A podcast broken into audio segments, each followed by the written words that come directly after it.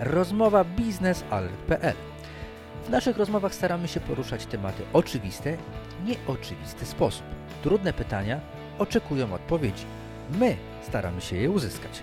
Energetyka wymaga wymiany myśli, poglądów, czasem ich konfrontacji. Zapraszamy na rozmowy biznesalert.pl. Rozmawiamy z Maciejem Mazurem, prezesem Polskiego Stowarzyszenia Paliw Alternatywnych o rozwoju elektromobilności w Polsce. Dzień dobry. Dzień dobry, witam serdecznie. Zaczynamy 21 rok. Jak ten rok zaczyna się dla elektromobilności w Polsce? Rok zaczyna się z nadziejami. Z nadziejami się zaczyna, bo już końcówka zeszłego roku dawała nam podstawy do tego, żeby patrzeć w to, co będzie z optymizmem i to na poziomie europejskim i na poziomie naszym polskim. Tak samo dużym optymizmem w Polsce i Europie? Oj, na pewno nie. Zawsze ten optymizm na poziomie europejskim jest większy, bo też rynek się dużo szybciej rozwija i i to, co obserwowaliśmy w zeszłym roku w Europie, było rollercoasterem. Na początku COVID, marzec i pytania, czy w ogóle elektromobilność będzie miała prawo się rozwijać.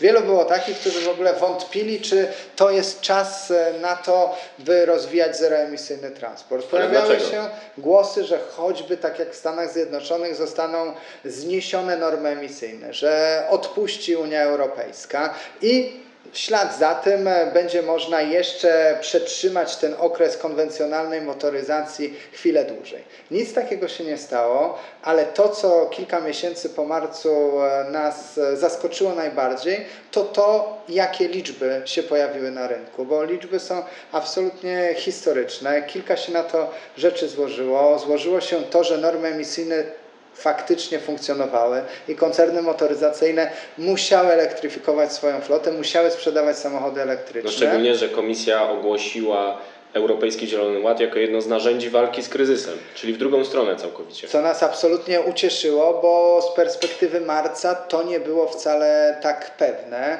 To się też przełożyło na to, że kolejne państwa także zamiast wycofywać się ze wsparcia elektromobilności, to wsparcie jeszcze pogłębiały.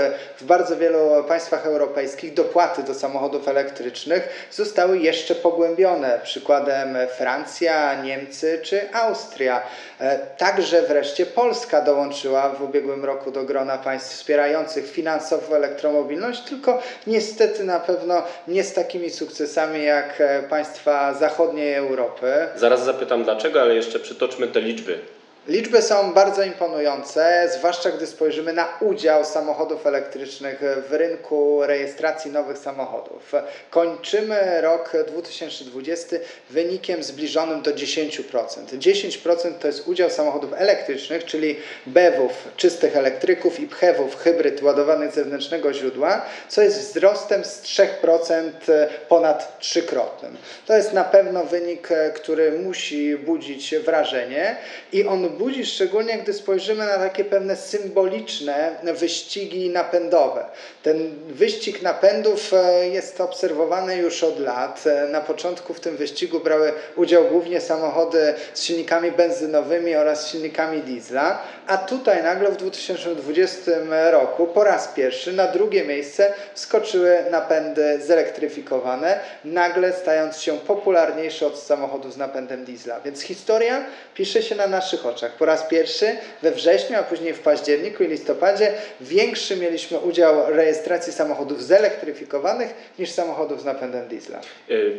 Y, symboliczną postacią tego ruchu na rzecz elektryfikacji transportu jest na przykład Elon Musk on też informował w mijającym roku, e, w minionym roku o różnych e, rozwojach wypadku, też korzystnych dla branży.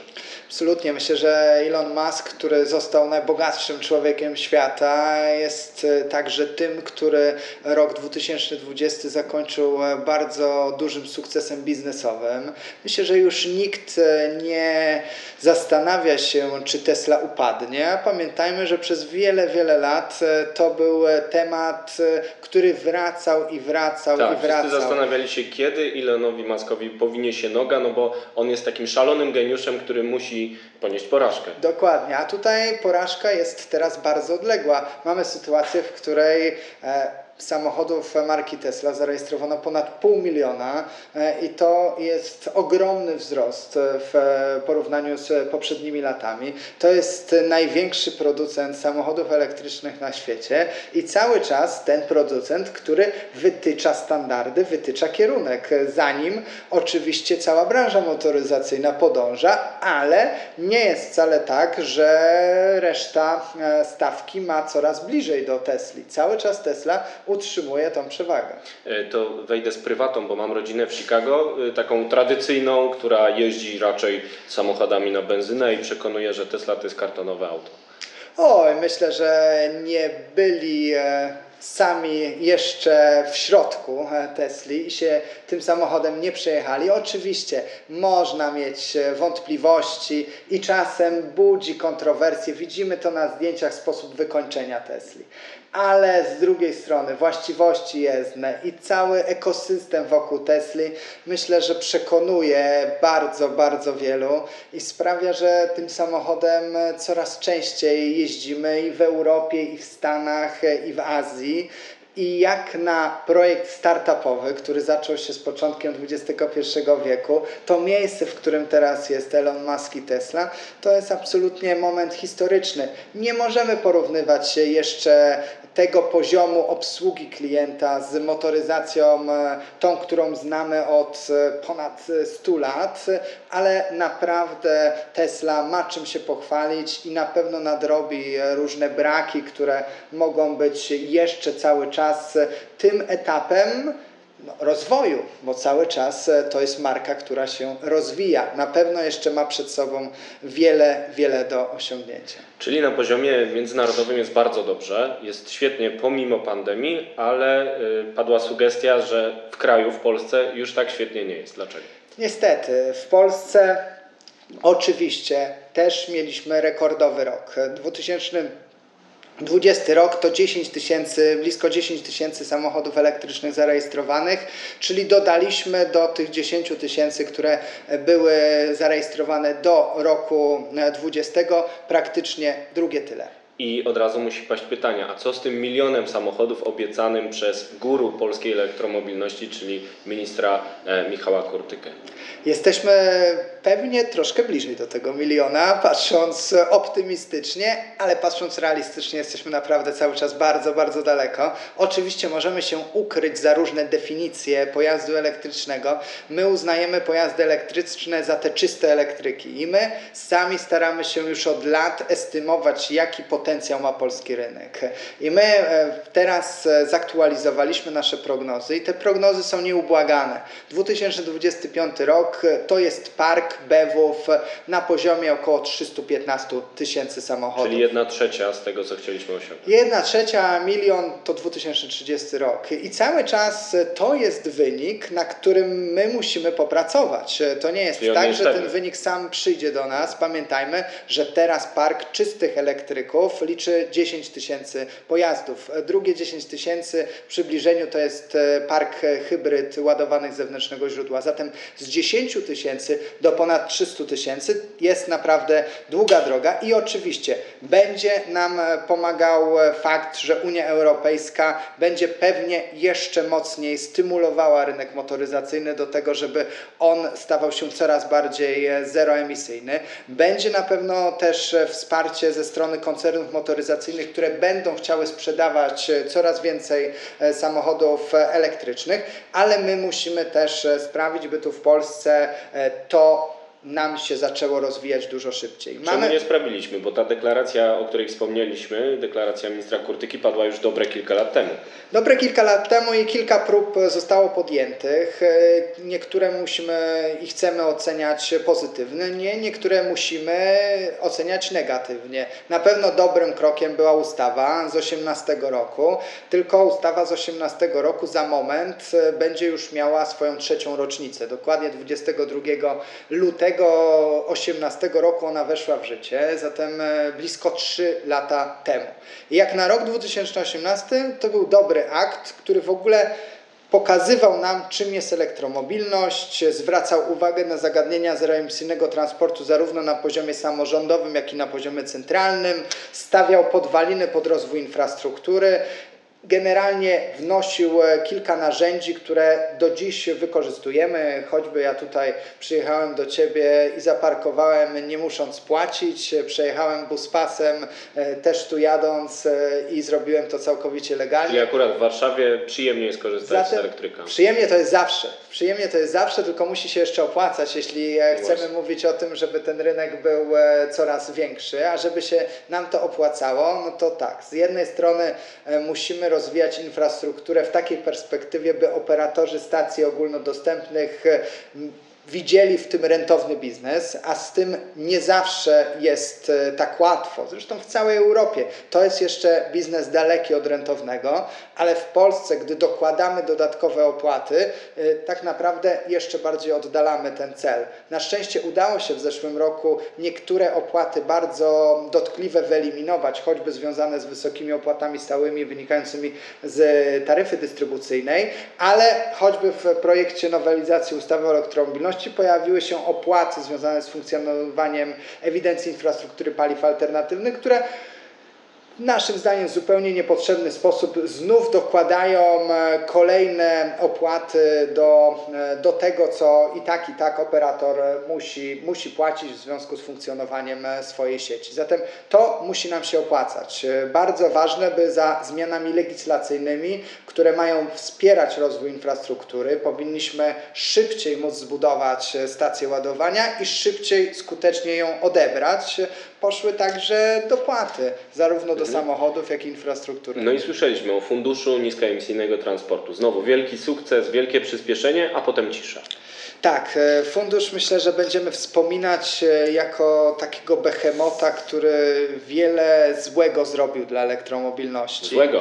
Złego, niestety złego, bo już zapowiedzi funduszu pojawiły się w 2018 roku, zaraz za ustawą i te zapowiedzi rzeczywiście były bardzo szumne. 7 miliardów złotych do wydania do 2027 roku. Fundusz, który tak naprawdę miał każdemu pomóc. Czy to operatorowi stacji ładowania, czy e, stacji e, tankowania wodorem, e, miał pomóc miejskim przedsiębiorstwom komunikacyjnym w zakupie po preferencyjnych stawkach autobusów elektrycznych, miał wreszcie pomóc użytkownikom indywidualnym i firmom w zakupie samochodu. Wszyscy, słysząc te zapowiedzi, uznali, warto poczekać.